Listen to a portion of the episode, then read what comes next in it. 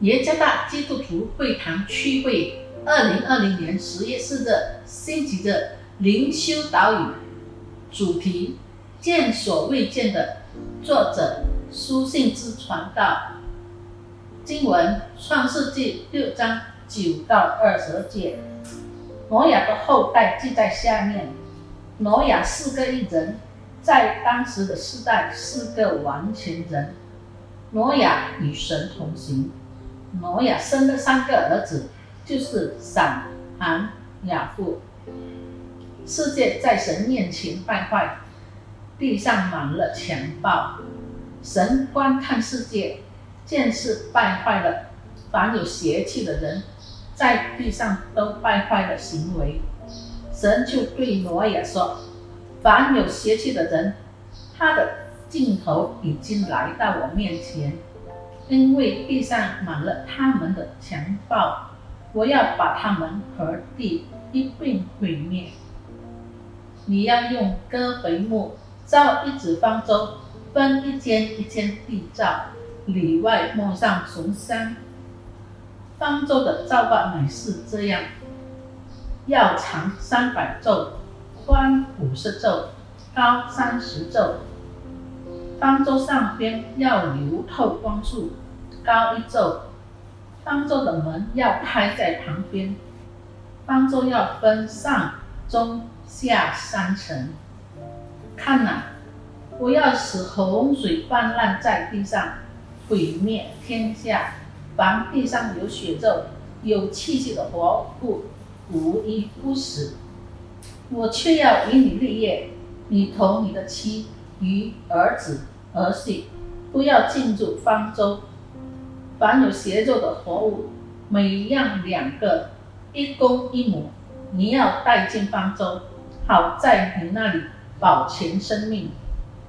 飞鸟各从其类，牲畜各从其类，地上的昆虫各从其类，每样两个，要到你那里，好保全生命。你要哪个样事物。继续起来，好做你和他们的食物。挪亚就这样行，凡神所吩咐的，他都照样行了。我们的儿子三岁的周岁，在操场上玩耍时，听到天空中的咆哮声非常清晰，感觉像是有很大的东西在我们正上方盘旋，一遍又一遍，有好几分钟。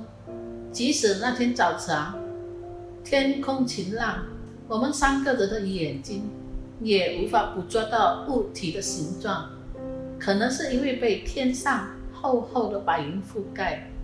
但是 Jose 很自信地回答了我的问题：这是一架飞机。他看飞机甚至登机的经历，使他相信那声音一定是飞机发出的。而不是直升机、卡车或者是消防车的声音。同样，在这一生中，当神他来用他的话语向我们问候时，我们对上帝的经历，因此我们能够认识到上帝。上帝清楚而详细地向挪亚透露了他的旨意。是的，其实不容易理解。但很清楚，挪亚当时面临着他不容易理解的处境。当时他认识的每个人，很快都会在上帝愤怒的惩罚下灭亡，只有他和他的家人得救。即使他有答案，人们也知道他过着完美无瑕疵的生活。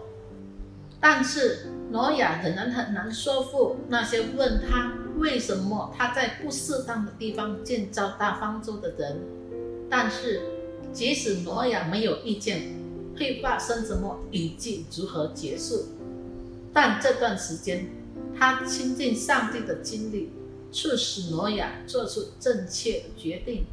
挪亚不仅认真聆听了上帝的话。还按照上帝的命令做了这些事。挪亚的人生目的很明确，只是完全服从上帝，以取悦上帝。你想过取悦上帝的生活吗？无论你现在处于什么情况，你都有机会顺从上帝的旨意，取悦他。也许你没有看到更好的解决方案和情况，但等人服从上帝，他的帮助定会及时到达。无论今天我们处于什么情况，都有机会顺服上帝，并取悦他。